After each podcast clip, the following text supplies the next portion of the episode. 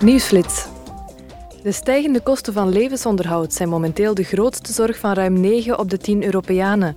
Dat blijkt uit de laatste Eurobarometer-enquête van het Europees Parlement. De tweede grootste zorg van de Europeanen is het risico op armoede en sociale uitsluiting, gevolgd door klimaatverandering en de verspreiding van de oorlog in Oekraïne naar andere landen.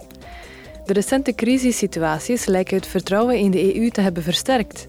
Zeven op de tien deelnemers aan de enquête vinden dat hun land baat heeft gehad bij het lidmaatschap van de EU. De Europese burgers willen dat Europa blijft werken aan oplossingen om de gevolgen van de recente crisissen te beperken. Aanstaande maandag gaat de eerste plenaire vergadering van het jaar van start.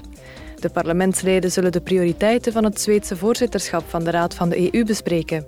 Ook zullen ze de resultaten van de Europese top van december evalueren en met de Europese Commissie van gedachten wisselen over de oprichting van een tribunaal om de agressie tegen Oekraïne te sanctioneren.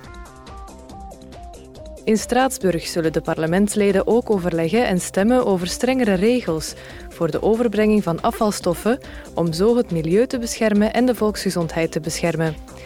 Daarnaast zullen ze debatteren over de bescherming van consumenten bij online videospelletjes over het buitenlands veiligheids- en defensiebeleid van de EU en over de huidige situatie van de mensenrechten en de democratie in de wereld.